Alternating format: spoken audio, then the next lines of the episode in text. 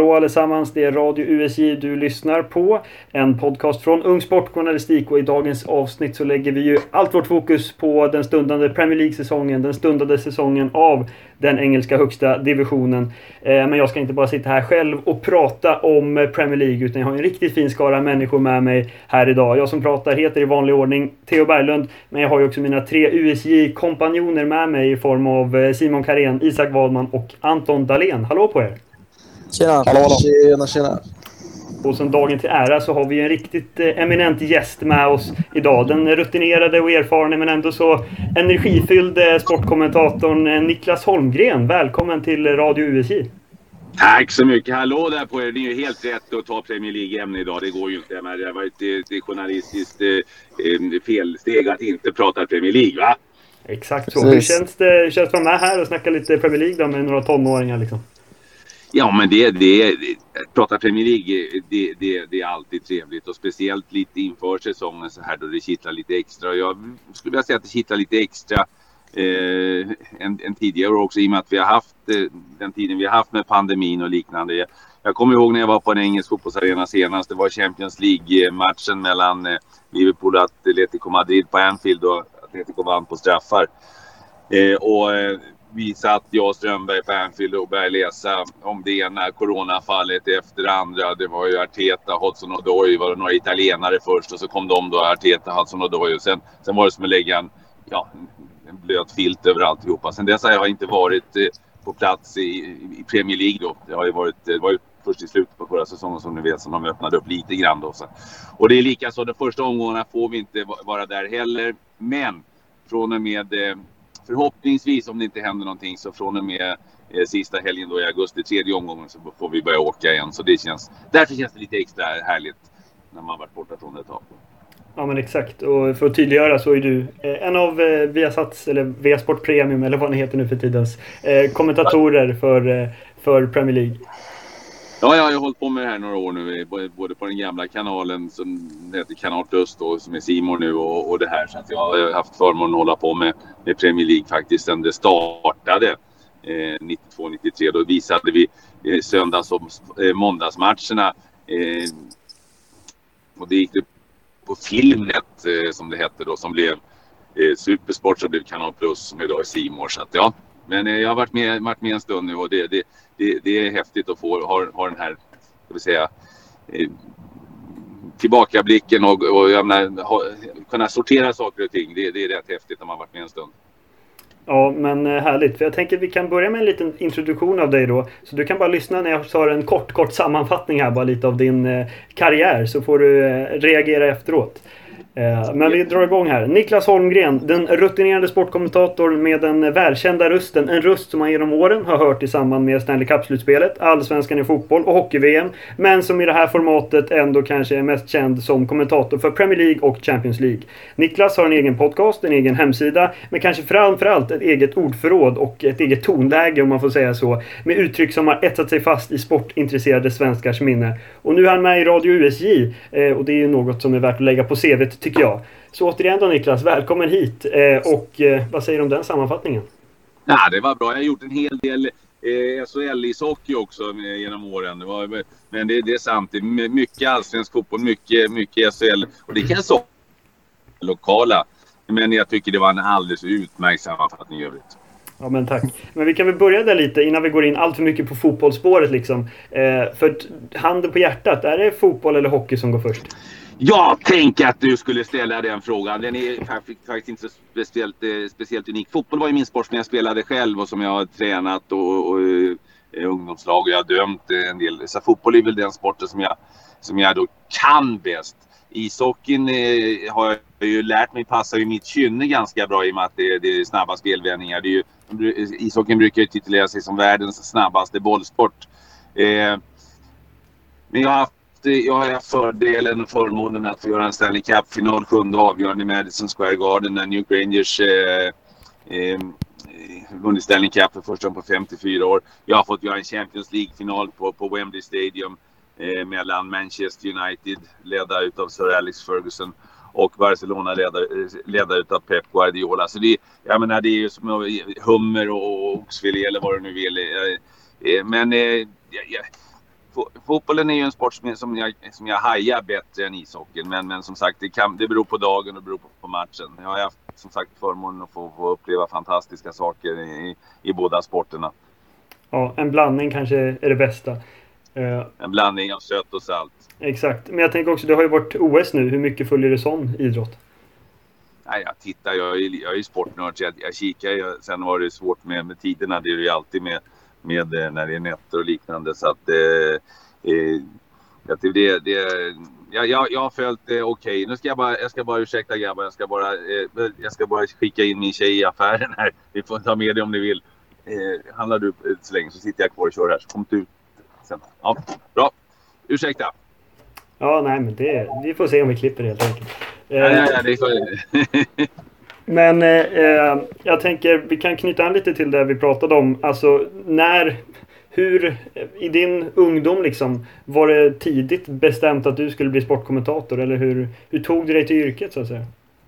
Jag ville nog bli fotbollsproffs eh, en gång i tiden, men då var det inte så, det var inte så vanligt att, att vi svenskar blev proffs. Det var, det var ju bara de allra bästa som var ute och spelade. Men, men drömmen fanns ju där och jag, jag, jag spelade ju, började i min lilla kvartersklubb ute i Järfälla, blev värvad till Brommapojkarna i fotboll eh, och, och gick sen vidare till Spånga som till och med var lite bättre än Brommapojkarna då i, i min åldersgrupp. Då var jag 15-16 så blev vi juniormästare i Stockholm med, med, med Spånga. Jag, eh, vi var, jag spelade lite grann i gamla division 2. Hade apropå Hammarby som vi pratade om tidigare, hade Kenta Olsson som, som tränare då i Spånga. Eh, så jag brukar säga att jag gjort några, några matcher på Stryktipset.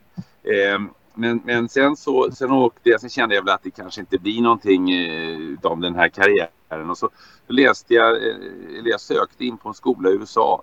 Eh, och det var inte någon sportjournalistskola eh, utan det var en vanlig, vanlig journalistskola för, för journalism och, och, ja, i allmänhet då. Eh, och eh, läste där ett, en, eh, under något år och sedan så kom jag hem och så såg jag en annons att, att Radio Stockholm, Radiosporten sökte folk.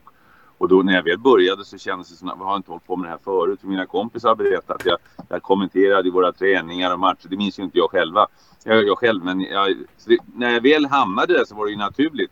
Jag älskade det. När jag var liten så tog jag morsans skrivmaskin. Det fanns inga data, datamaskiner på, Eh, på den tiden när jag var liten. Utan fick man ta såna elskrivmaskiner. gjorde jag Svenska cupen och, och gjorde upp egna serier och sprang själv och spelade och reffade för mig själv.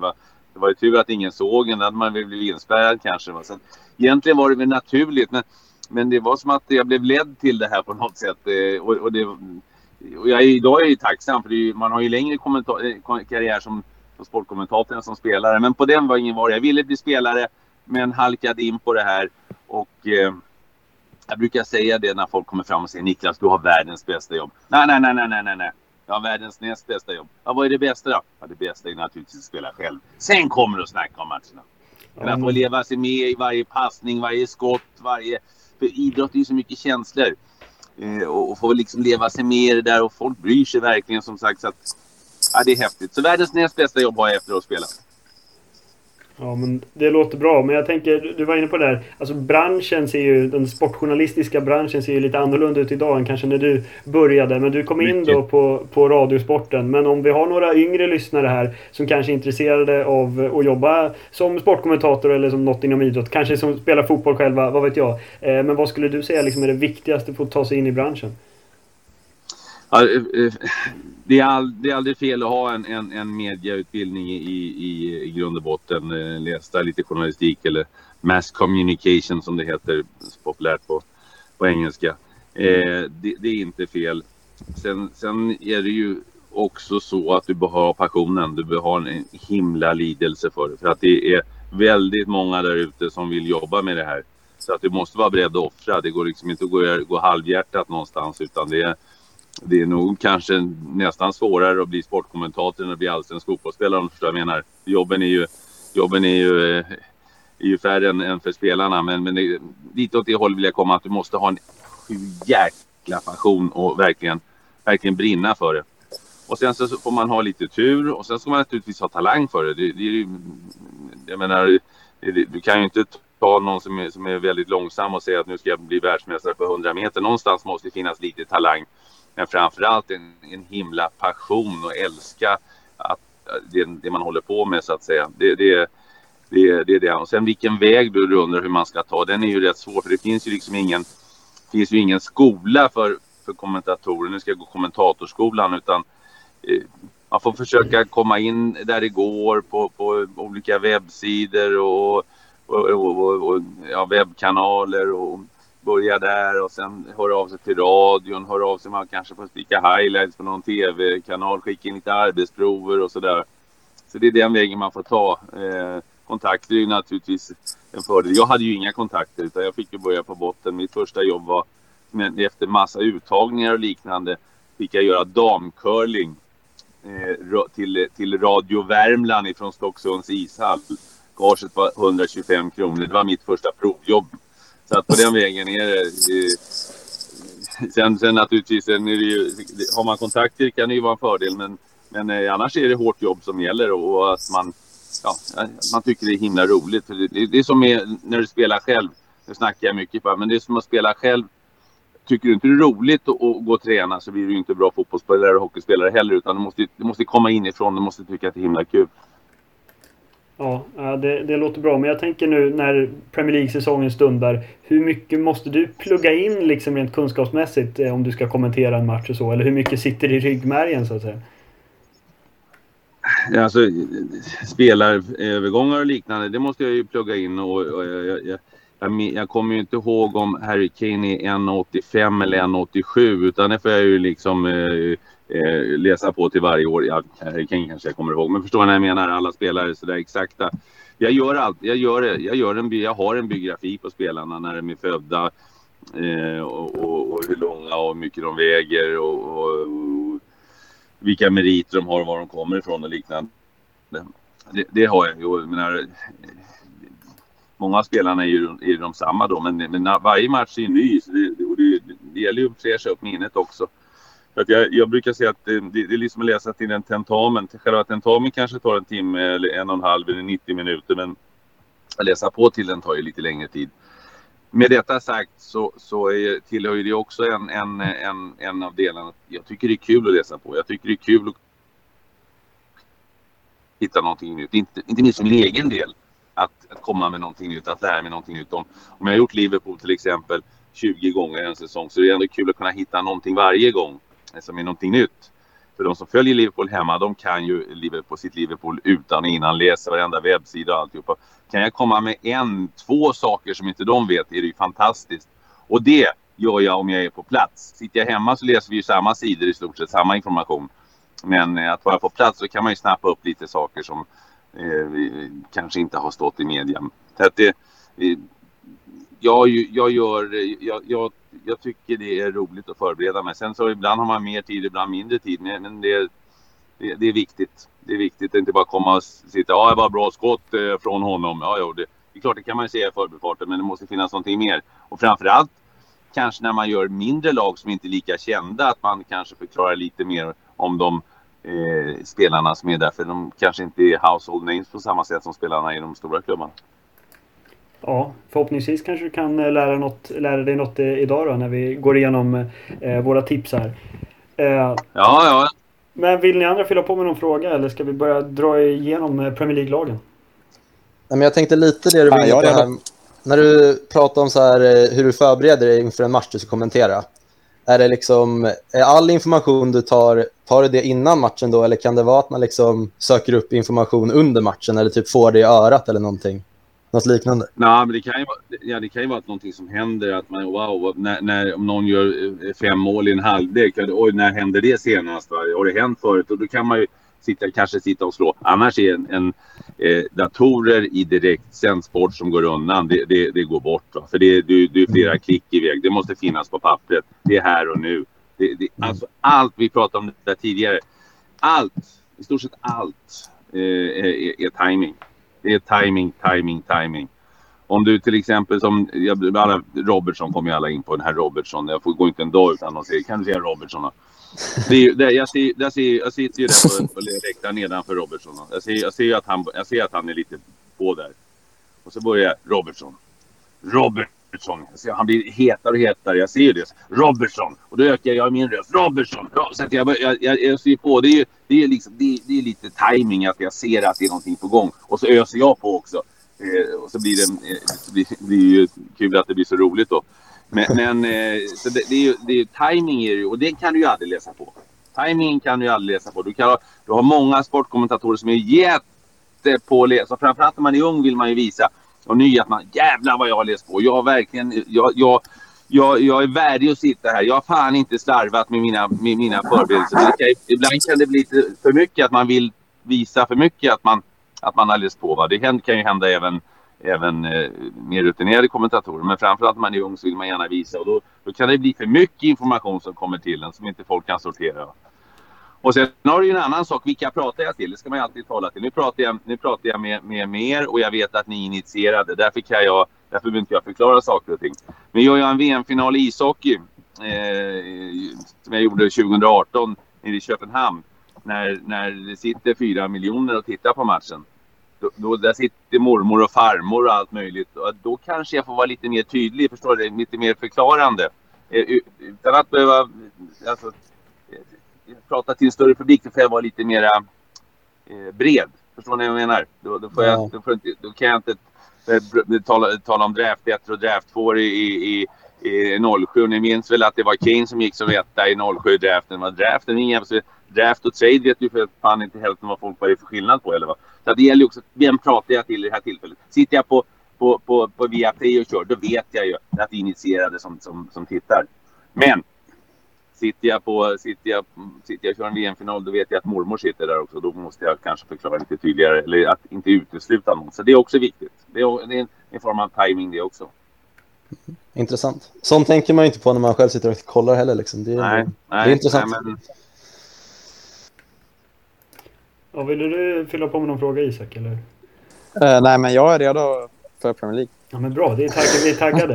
Uh, Så att tanken är nu att vi har ju tippat eh, de sju bästa lagen eh, och sen de tre som åker ur. Och så får vi se hur mycket det diffar från våra tippningar här då.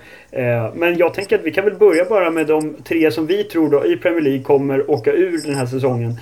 Eh, och jag kan börja helt enkelt med mina tre bottenlag. Vi går igenom alla lag, sen får vi diskutera om det är troligt eller inte. Eh, men de tre som jag tror kommer åka ur Premier League är Watford, Newcastle och Aston Villa till och med. Vad, vad tror ni andra? Ja, jag tror Watford, Norwich och Burnley, tror jag. Mm -hmm. Fyll på Simon och Anton. Ja, jag kan fortsätta då. Då tror jag på Burnley, Southampton och Watford. Mm, ja, Aston Villa, den var lite oväntad mm. där, men ja, jag har faktiskt eh, dragit till med Norwich, Burnley och Newcastle. Mm -hmm. Ja, det är ju lite samma lag som vi har här. Men jag kan väl börja med min Aston Villa här då. Alltså de har ju värvat intressanta spelare. De kanske framförallt blivit av med en väldigt bra spelare i form av Jack Grealish. Eh, men eh, jag känner att det kanske är laget som floppar. De har inte den mest liksom, eftertraktade tränaren, vad vet jag. Eh, och det känns som ett gäng som trots att de har Emi Martinez i mål kan, kan dyka här. Men det är så här, det kom, så kommer det inte bli. Man, man tippar alltid fel. Så att, vi, vi, får se hur det går med det. Men förstår ni vad jag är ute efter eh, med Aston Villa? Där? Ja, alltså... Tveksamt alltså. För de har ju ändå ett så pass eh, slagkraftigt lag. Alltså jag skulle säga att de truppsett har de nästan gått förbi till exempel Everton. Alltså de har värvat riktigt bra i sommar och jag tror...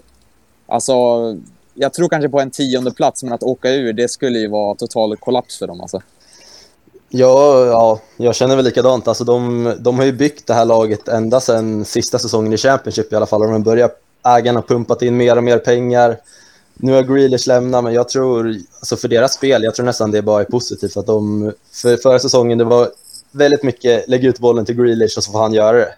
Nu har de fått in fler skickliga spelare, Buendia och Bailey, liksom så här, flera spelare som kan göra det. Och jag tror, ja, jag tror Aston Villa kommer att ha ett bra år i år.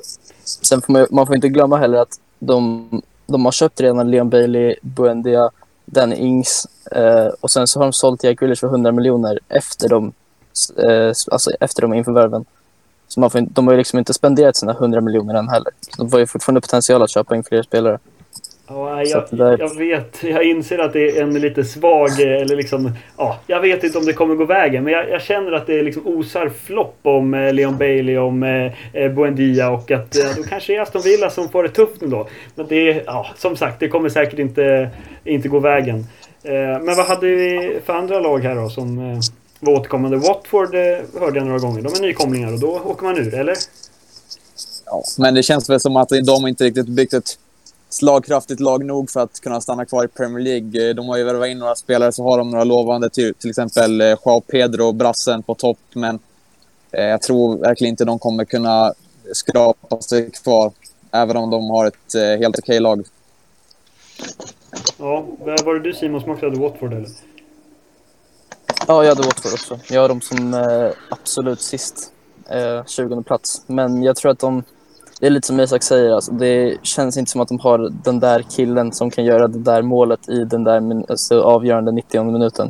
Uh, det är liksom typ, ja, alltså det känns lite som att det är lite tunt överallt.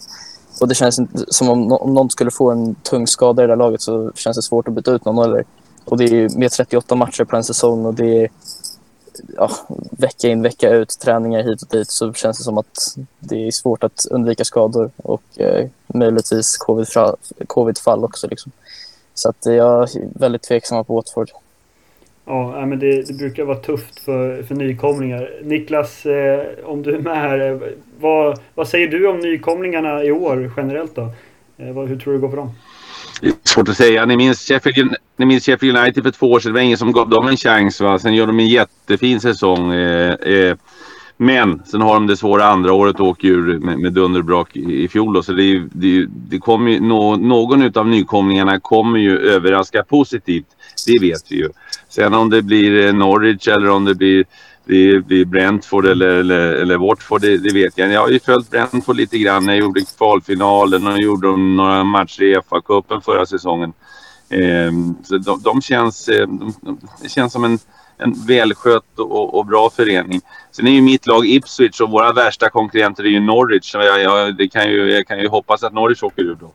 Men eh, jag håller med Aston Villa tror jag inte åker ut. Eh, Dean Smith är en mycket skicklig manager. Den, han håller på att bygga upp en bra organisation där. Så jag tror också på en mittenplacering minst för, för eh, Aston Villa som också har höjt sig undan för undan. Ni minns för två år sedan när de klarade kontraktet i sista omgången. Förra säsongen var de ju riktigt positiva och naturligtvis storvinsten Men Liverpool sticker ut lite extra. Eh, nej, men det, det, det, det ligger ju alltid nära till hands att, eh, att eh, tippa nykomlingarna som åker ut. Där är jag också lite grann på Burnley. Hur länge orkar Sean Dyche motivera sitt Burnley till, till stordåd? Eh, någon gång känns det som att det kommer ta slut. Jag hör att ni är inne på Southampton också. Det är samma sak där. Southamptons organisation är ju lysande. Så många tränare och så många duktiga spelare de har skickat ut i ligan de senaste 15-20 åren. Det är ju, det är ju imponerande. Ehm, men det kan ju ta slut där också så att säga. Så att, ehm, ja, jag, jag, jag kör på, jag kör på eh, Watford, Southampton och, och, eh, och eh, Norwich då. Ja, intressant. Mitt eh, Aston Villa-tips blev helt ratat här, men det räknar jag nästan med. Eh, vad hade du för några Anton? Eh, vilka tre lag? Eh, jag tippar faktiskt att Newcastle åker ut mm. tillsammans med Burnley och Norwich. Då. Jag känner väl lite att eh, det händer inte så mycket i Newcastle för tillfället. De har inte tagit in några nya. Nu läste jag dock jo, att Willock, Willock, ja, Willock blev klar här på, ja, igår kväll, sent igår kväll. Precis efter jag hade gjort mitt tips då, för det var väl lite det som... Han var ju helt fantastisk under våren förra året, men... Nej, men jag känner ändå, det är någonting med Newcastle som liksom... Den föreningen sköts inte bra, ägaren är inte backad, supportrarna verkar riktigt missnöjda och... Eh, Nej, men jag tror att det är, det är dags för Newcastle att lämna finrummet den här säsongen. Det är, inte för, det är inte första gången i så fall de får lämna. De har ju åkt jojo. Men det, ja, de, häng, de, hänger, de hänger envist kvar på något sätt. Och det, det är ju en... en eh, ni som har, jag vet inte hur mycket ni har rest runt i England, men, men det, är ju, det är ju en massiv klubb som man säger på engelska. Massiv. En stor klubb med en enormt stor fanskara. Eh, det, det, det, finns ju resurser, men det är ju det, är ju det här eviga tjafset om, om ägarskapet där i, i, i, klubben. Men jag tror de, de, klarar sig, de klarar sig i år igen. De har någon förmåga, någon Houdini-förmåga där som jag vet inte vad de eh, har lyckats med de senaste åren. Så att, mm. Lite Burnley... det, är definitivt, Ja, men inte... Ja, de är mycket större klubb än Burnley. Men, men jag vet, jag, jag, ju, jag tippat dem åka ut flera gånger här, men de har klarat sig på slutet. Så nu, nu, så, men det, alltså, att, att tippa Newcastle som, som ett degraderingslag, det är, det, är ju, det är ju inte fel. Och man får ju inte... Det är inga jättehöga odds för att det kommer bli så. De kommer finnas där nere, tror jag också. Jag håller med, instämmer med det. Ja, jag tror också att Newcastle åker ur. Så vi, vi, får se helt enkelt. Var det några mer lag som vi inte har snackat om här som någon trodde skulle åka ur? Som var någon skräll kanske? Ja, men jag vill bara lite snabbt ta upp Southampton. Eller lite snabb motivering till den också. Mm. För de har ju varit... Förra året i alla fall så krigade de ganska mycket i botten under hela årets gång. Och sen så då så hade de ju ja, en rätt bra pjäs att luta sig tillbaka till i form av Danny Ings då, liksom, som slängde in kanske, ja, jag kommer inte ihåg exakt, men det var väl runt 20 mål kanske. Eh, och de tappar honom eh, till Aston Villa, eller Aston Villa för liksom ingenting eh, egentligen. Och sen har de liksom Shay Adams som, eh, eller Shay Adams som, eh, ja, som replacement där. Och jag tror inte han kommer liksom kunna bära hans skor riktigt. Och det, det känns som att det inte finns någon som kan ta de 20 målen och göra, göra dem för Southampton i år. Så jag har svårt att se dem få någon utdelning på offensiva planhalvan. Liksom. Och det är därför jag tror att de kommer åka ut, framförallt.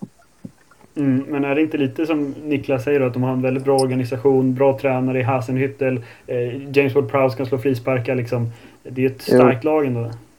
Jo, precis. Men det är, alltså det är, det är alla lag i Premier League ser ju starka ut nu för tiden.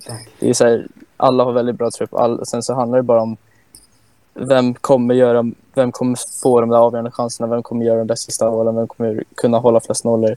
Eh, och de har ju liksom ingen världsklass målvakt heller. Jag tror det är Alex McCarthy eller så är det Fraser Forster. Jag tror det är McCarthy.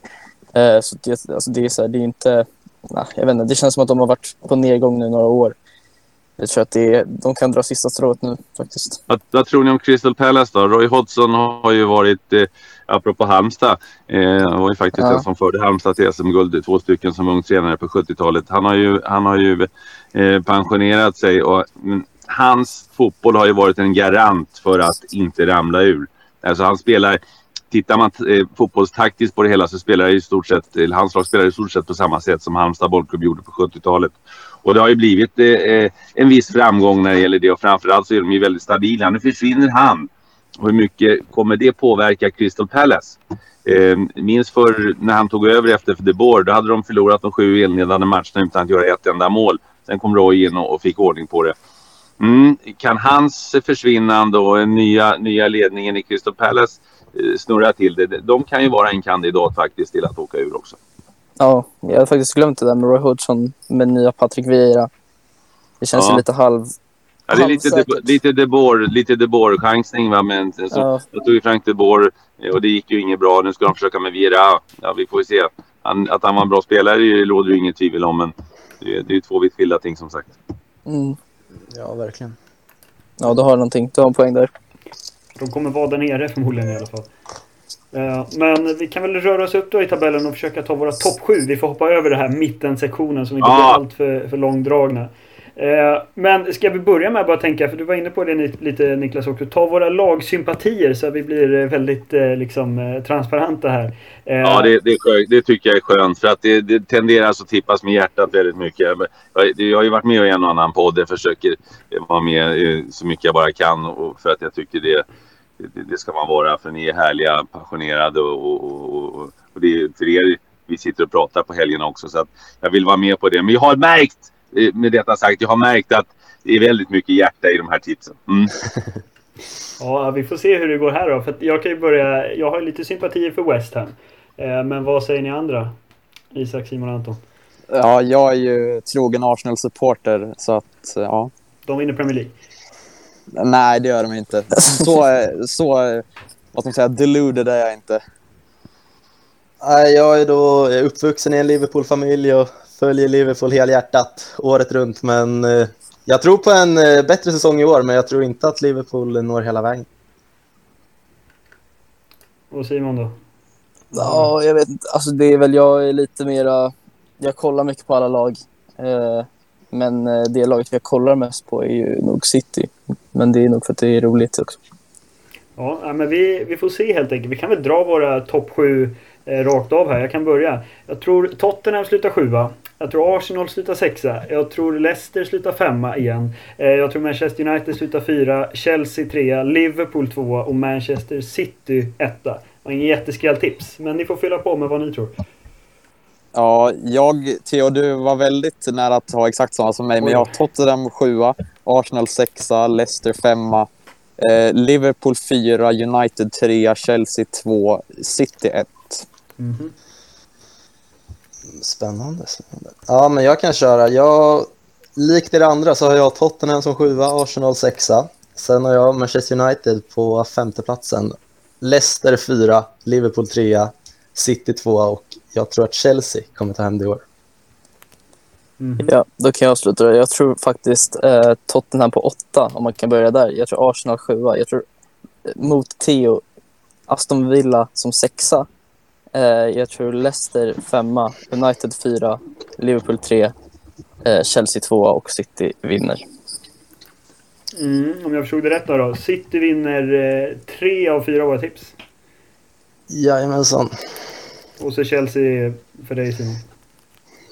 Ja, för mig. Ja, för dig Anton. ja, exakt. Jag tror på Chelsea i år. Ja, eh, det är ju intressant. Vad är din spontana reaktion på det då, Niklas? Nej, jag tycker ni är riktigt fega. Men jag kan inte säga att ni har fel heller. Eh, men det är svårt att försvara en titel. Det är svårt att försvara en titel. Eh, och, och ehm, någonstans så, så har ju Manchester City fortfarande ehm, siktet inställt på, på Champions League. Det blir ju ännu, en, en ännu större prioritet för varje, varje säsong som går utan att de lyckas. Eh, jag vill höja ett varningens finger för Manchester United.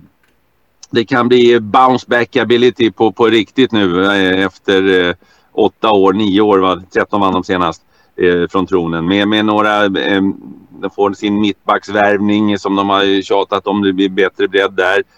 Eh, du, du, får in Sancho, vad det betyder det vet vi ju inte riktigt. Va? Men, men att eh, Manchester United kan vara med från början och de har en bred trupp. Så att det, det kan vara den lilla skrällen där uppe. Eh, Chelsea ser naturligtvis bra ut. Liverpool, mm, hur mycket orkar Jürgen Klopp?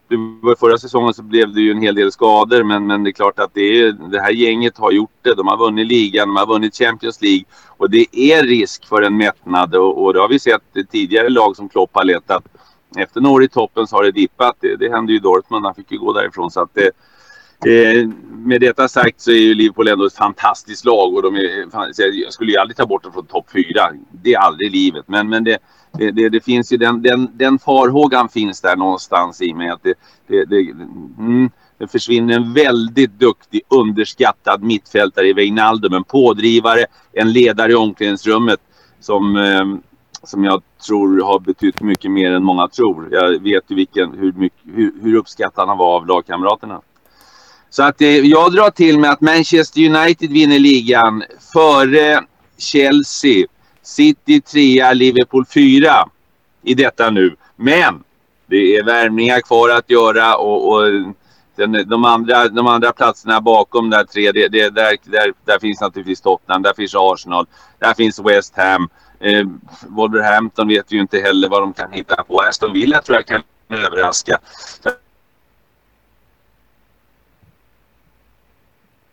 Att det är Leicester naturligtvis. Ja, det där, är ju hugget som stucket. Men min, min topp fyra, jag startar. Ja, eh, men det känns ju som att det är de fyra lagen som jag nämnt som kommer sluta topp fyra. Eh, och ja. alla känns starka på något sätt. Eh, min... Ja, nej, men det, det, du kan gå runt till vem som helst. Det, det som är, jag har ju tippat eh, Stryktipset och eh, man tippar offentligt så är det, då är, då är, då är det sällan du drar till med galna tips. Utan det blir, du hamnar ju där, där det, realistiskt sett så är det ju de här, de här klubbarna vi talar om som, eh, som, som finns där uppe. Visst, det blir något lag som knackar på dörren ibland i, i form av Leicester eller, eller vad det nu kan vara. Va? Men, men just nu är det, är det de här lagen. Arsenal har ju tappat men är ju på väg också. Men jag tror inte att de hinner eh, hålla med allihopa. De får vara nöjda om de klarar en Europa League-plats. Ja, men vi kan stanna lite vid att du tror att det är United som vinner. För att de har ju verkligen gjort ett bra sommarfönster, det får man ju säga. Eh, men jag tror fortfarande inte riktigt att liksom Ole Gunnar Solskär är tränaren som tar dem till toppen. Och det känns fortfarande som det är en tunn trupp. Jag vet inte, de har breddat till det men det kan inte riktigt eh, mäta sig mot Liverpool och City. Vad säger ni andra om det? Ja, men jag får också den spontana känslan. Och sen ska ju det där mittbackspart klicka också med Varann och Maguire. Man vet ju aldrig hur det ska funka med nya mittbackspar, men de har ju helt klart förstärkt så att de kommer att vara en utmanare helt klart, men jag vet inte om de vinner ligan. Jag har ju varit inne på det i tidigare avsnitt också. Jag, jag tror ju inte heller på Ole Gunnar som ska ta dem till toppen. Jag, alltså jag får någon konstig känsla av att Ole Gunnar kommer, liksom, han kommer få gå innan, innan januari. Liksom. Han kommer inte vara kvar säsongen ut. han har pressen på sig. Han har pressen på ja, sig för första gången på riktigt uppdämt. De har fått lida mycket de senaste åren, Manchester United. Hade jag haft en sista hundring så vet inte fasen om jag hade tippat Manchester United. Men jag känner att det är någonting på gång i Manchester United. Starten blir avgörande för dem. Ja.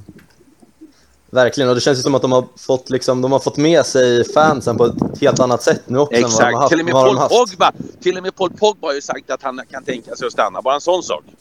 Ja. Det blir spännande att se. Det är väldigt svårt att förutspå som sagt, men det är, de kan mycket väl gå hela vägen. Men det är, ja, det är konkurrensen, konkurrensen är stark, minst sagt. Ja, så är det. det. Det kan gå åt båda håll på något sätt. Men eh, vad, vad tror vi då nu när publiken börjar eh, komma tillbaka till arenorna? Eh, kommentatorerna får eh, så småningom komma tillbaka. Vad kan det ha för liksom, långsiktig påverkan på Premier League igen då? Alltså, Ja, det är klart att det kommer hjälpa, det kommer hjälpa lagen som har stora, stora fanbases. Liksom. Det är Chelsea, United såklart, eh, det är West Ham, det är Arsenal.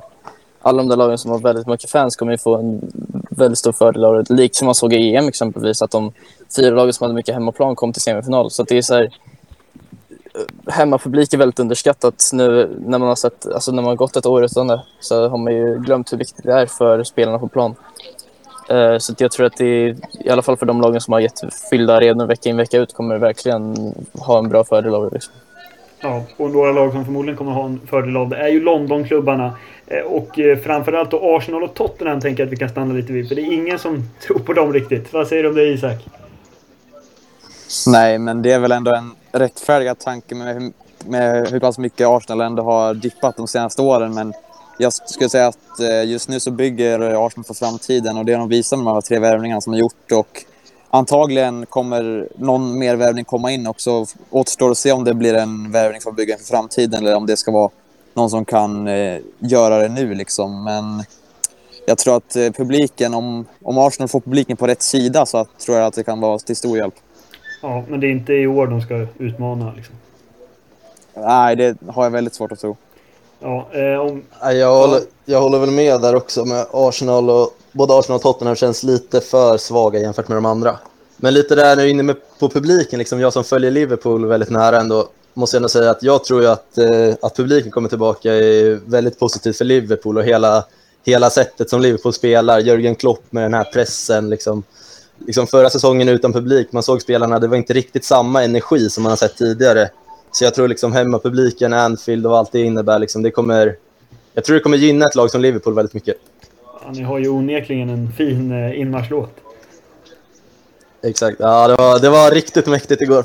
Träningsmatchen när det var 40 000 tillbaka på Anfield, det var otroligt kul att se faktiskt. Ja, eh, vad, vad tror vi om, eh, om Leicester då, tänker jag?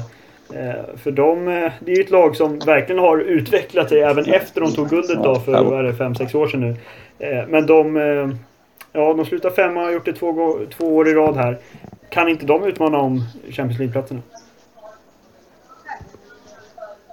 Jo, jo absolut. Det, det, är klart de kan, men alltså det är så här det, de har gjort bra, bra nyförvärv, men det de förlitar sig som vanligt på Jamie Vardy ska göra målen.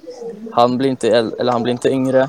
Eh, samtidigt som man ju sett honom, alltså han, blir ju, han blir ju inte äldre i, i kroppen. Liksom. Så det är så, han kommer ju förmodligen slänga in 15-20 mål i år igen.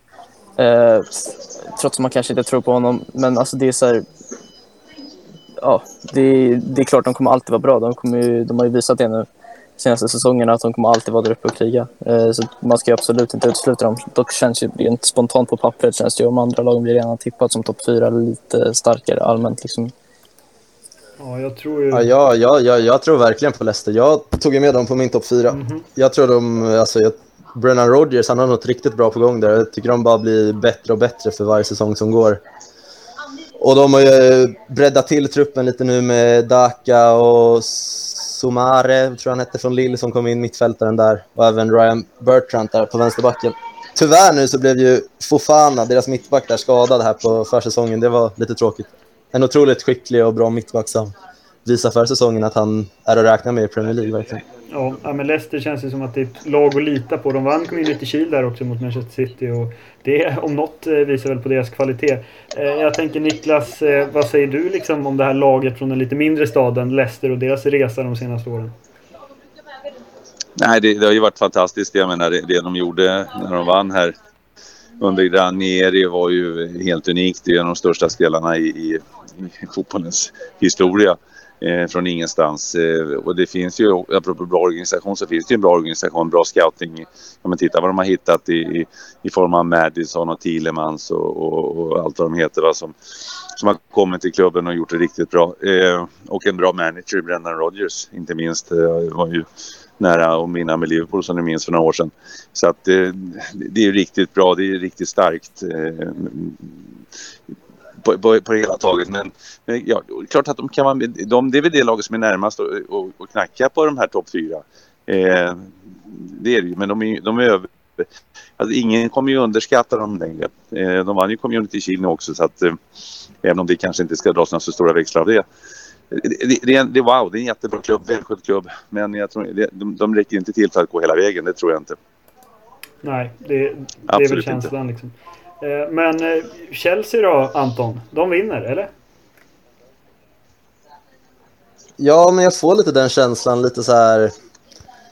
De gjorde en otroligt bra vår, inte minst i Champions League där. Och Tuchel verkar verkligen ha fått, eh, fått ordning på grejerna där. Och de har en bred trupp och nu verkar det ju som att Lukaku är på väg in också. Det, det är väl lite det de saknade förra säsongen tycker jag. Liksom en renodlad nia som liksom ska göra de här viktiga målen.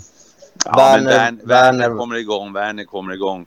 Och lugna. Ja. Han, han, det, var, det var ett hemskt år för honom, men Turbo-Timo kommer vakna till, det tror jag. Havertz visar ju klass eh, undan för undan också. Så att eh, Chelsea, Chelsea eh, ja, de, de, de, kan definitivt göra det i år. Eh, men det är klart, Lukaku skadar väl aldrig ha. Nej, exakt. Om man plussar på Lukaku där också, det blir ju en helt otrolig fronttrio. De har ju alternativ också med Pulisic och Hudson Odoi och allt vad de har. Liksom. De har en, de, jag skulle säga att City och Chelsea har, är de två lagen med breda strupper och det är väl lite därför som jag tror också att de kommer hamna i toppen. För de har liksom kvaliteter på alla positioner gånger två. Liksom. Och eh, ja, sen, eh, ja men lite det vi var inne på förut också, City kommer satsa ännu mer på Champions League och liksom, jag tror det öppnar upp för en en eh, Premier League-titel för Tuchel och hans mannar. Det är inte omöjligt direkt. Men är det inte försvaret då som sviker lite för Chelsea om det ska vara någon eh, akilles här? Nej men alltså jag tror att det verkar som att de är riktigt sugna på Jules Condé också från mm. Sevilla också som kan stärka upp det. Han är ju väldigt bolltrygg och en bra försvarare också. Hade en fin säsong i Champions League och, och om de kan plussa in han plus Lukaku då ser de väldigt farliga ut och de kommer vara de som jag tror att eh, kommer vara närmast att hota City för första platsen. Vi får inte glömma, jag vet inte vad Thomas Tuchel gav Rydiger för någonting när han kom till klubben men, men den, den spelaren blev ju 100% bättre och, och de ja. eh, visade ju mot City i ett par matcher också att de, de kan spela försvarsmässigt väldigt bra fotboll. Eh, sen håller jag väl med om att det kanske ser lite tunt ut men eh, som, som, som du nämnde, det finns eh, finns eh, bra spelare på väg in kanske som kan bredda det där. Det är väl lite så i flera av de här topplagen. Vi har pratat om Manchester Uniteds försvar också att det behövde breddas. Att, eh, ja, eh, eh, det, är lättare att hitta försvarsspelare i alla fall än att hitta målskyttar, det kan vi konstatera. Ja, och de kunde ju uppenbarligen vinna Champions League. Eh, och det är ett, ett ungt lag så att eh, Chelsea ser ju onekligen riktigt spännande ut. Men vi har varit inne på City också. Vi kan ta lite avslutande ord om dem också. För att det är ju ett lag som ska försvara titeln som vi varit inne på. Eh, de har stått för en riktigt stor värvning i Jack Grealish. Eh, och deras offensiv är det väl ingen som kan mäta sig med i ligan, eller? Ja, jag vet inte. Nej, jag tror inte det. det. Det känns som att de har ju inte riktigt någon direkt nia, eh, men Ja, alltså det, fortfarande, ryktas ju fortfarande om Harry Kane. Om den skulle gå i lås så känns det ju spikat och klart riktigt. Men alltså det är, om man bortser från det så känns det ju redan nu som att det är, det är så många spelare som kan spela överallt i den här truppen och i det anfallet specifikt. Och det är så, med, speciellt, speciellt nu med Jack Wheeler som kommer in. Han kan ju spela både nummer 10 eh, ute, på, ute till vänster, säkert ute till höger. Och sen så har man ju Phil Foden, likaså eh, Mahrez kan spela på båda sidor. Sterling kan spela på båda sidor. De Bruyne kan spela på ja, i stort sett överallt, eh, vara liksom världsklass. Eh, sen har man ju fortfarande, om man vill ha en ren nia så har man ju Jesus fortfarande på bänken. Han är inte helt, han, alltså han är inte världsklass på det sättet men han är fortfarande en bra, en bra nummer nio i Premier League. Liksom. Så det, det är ett otroligt bra anfall. Jag har säkert glömt någon nu som är fruktansvärt bra också men det går inte att hålla koll på alla i det här laget. Liksom. Nej, du var inne Niklas på att det är svårt att försvara en titel. Eh, vad säger du om det? Ja, men det, det, är, det är svårt att försvara en titel. Det, det är det verkligen. Och den här ligan är, eh, den är så in i bomben mycket bättre än de andra ligorna sett till, till bredden. Eh, vi pratade om det tidigare här i, i programmet att det, det, finns ju inte ett lag som inte har världsklasspelare och landslagsmän. Det vimlar ju av dem i varenda lag. Och det, det, det spiller ju ner långt ner i Championship också. Så att det här är en, det är en jättetuff liga. Och vinna, eh, vinna två år i rad, det, det, det är inte lätt. Men det är klart att det, det har du resurser så är det enklare. Det är skillnad på om vi ska dra ishockeyspåret som vi pratade om tidigare i NHL. Där har du ju lönetak och blir du riktigt bra så går ju lönerna upp på dina spelare och då har du inte råd att behålla dem. Så funkar det inte riktigt i fotbollen. Där är det ju de, de mäktigaste fortfarande som har eh, en stor fördel. Men med detta sagt så är det ju, det finns ju många, många mäktiga klubbägare så att, eh, och alla vill helst synas då i Premier League. Mm. Ja, det, det, visst, visst, finns det möjligheter, det är inte, inte det jag säger, men det, det, är, det blir svårare och svårare för varje år att försvara och det har vi, har vi konstaterat nu. Det är en stund sedan eh, det skedde. Alltså City har ju gjort det nu men, men innan dess var det ju gå till United. Mm. Ja, men det är väl just att de verkligen, verkligen vill vinna Champions League nu som kan stoppa lite City. Eh, och såklart att det är väldigt bra andra lag som, som vi är inne på. Men vad sa vi nu då? Tre stycken tror på Manchester City. Du Niklas trodde på United och Anton tror på Chelsea. Ja. Får se hur det blir helt enkelt. Ja. ja. Aston Villa åker ut. Under. Och sen får vi hålla tummarna så här avslutningsvis på att Ipswich som började nu med, de spelade 2-2 i helgen här, att de tar sig upp åtminstone i Championship. Ja, det kan vi hålla upp tummarna för min skull. Ja, men det, ja, det får vi göra. Ja, tack snälla. Ja, vi kan väl avsluta med vem vi tror vinner skytteligan då, som en liten eh, grädde på moset här. Jag sticker inte ut hakan och säger eh, Mohamed Salah. Ja, Okej, okay. ja, jag har en liten eh, dubbel här, mm. eller liten antingen eller. Och jag tror om det kan klicka, om Lukaku kommer in som han troligen kommer göra, om det kan klicka för han i Chelsea så tror jag verkligen att han kommer vara en ho hotande kraft i Premier League. Men också om, om Harry Kane kan få, få tillflytten till City, vilket känns mindre troligt just nu, så kan han, kommer han också vara en hotad, eller hota där uppe. Men det känns lite, om han stannar i Tottenham, det känns inte som att den relationen har blivit något bättre just nu. Så att eh, jag håller Lukaku högt ifall han lyckas i Chelsea och lyckas få igång det. Ja, men jag, jag sticker ut haken och säger Danny Ings då. Vilken kille alltså. Vilken spelare, vilken spelare han är. Den, du, den, om du har en hundring kvar så sätter du inte den på Danny Ings, det kan jag lova. Om det är den enda hundring du har kvar i din profil. Nej, men han... Nej, precis. det, är, men det, det är alltså första gången, när jag var och kollade på Liverpool för något år sedan här, på Anfield för, jag tror det var två, tre år sedan nu. Största jublet under hela matchen, det var när Liverpool bytte in Danny Ings i 88 minuten eller vad. Det var hela arenan bara jubla och ställde sig upp allihopa. Det nej, jag vet inte. Det är någonting som skiner om Danny Ings. Jag tror att han har en dundersäsong i år. Nej, det, det, kommer stå, skytteligan eh, kommer lite bra när det går för Liverpool. Så, så Mané eh, kommer finnas där uppe. Han vill vinna skytteligan. Han och Salah har en egen kamp som, som, som sporrar dem till, till stordåd. Och sen litet varningens finger för, för, för Turbo-Timo som missade enormt nästan allt förra säsongen. Vi kan vända. Nu är det dags för honom att få in nästan allt. Och han har lyckats bra i, i Bundesliga tidigare. Så att, eh, jag säger Mané med Turbo-Timo som tvåa. Ja, vad säger du då Simon? Nej, men jag säger... Eh, jag vill också peka ut två stycken. Jag vill peka ut först Mohamed Salah. Eh, Manes avslutade inte säsongen jättestarkt förra året, så det känns ju som att... Ja, och Salah var ju väldigt, väldigt bra under hela årets gång, så att jag tror att han kommer som vanligt slänga in minst 20. Eh, och sen så tror jag att eh, en full säsong med förtroende tror jag att eh, Edison Cavani kan vara där uppe också. Eh, faktiskt.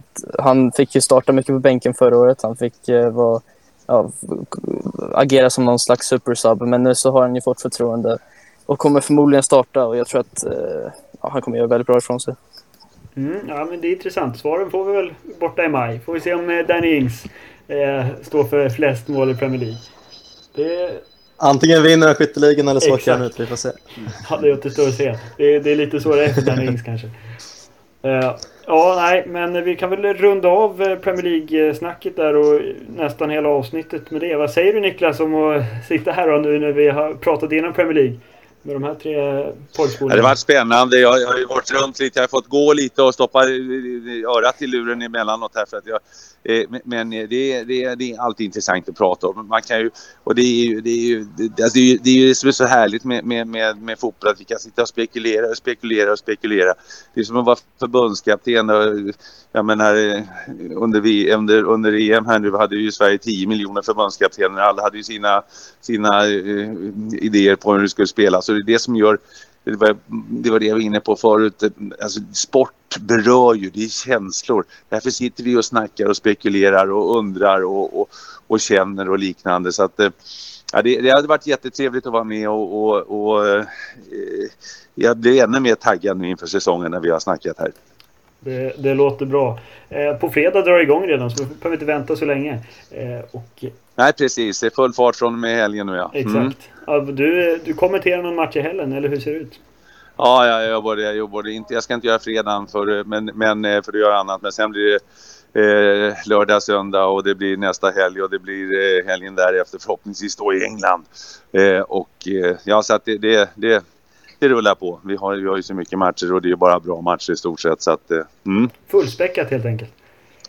Fullspäckat, det var ordet. Det, det låter härligt. Eh, stort tack för att du, du var med här i Radio UIC. Tack själva. Tack själva. Lycka till med er fina radiokanal. Tack så mycket. Och radioprogram. Jaha. Ha det gott. Hej hej. Hej då. Hej då. Hej då. Hej då.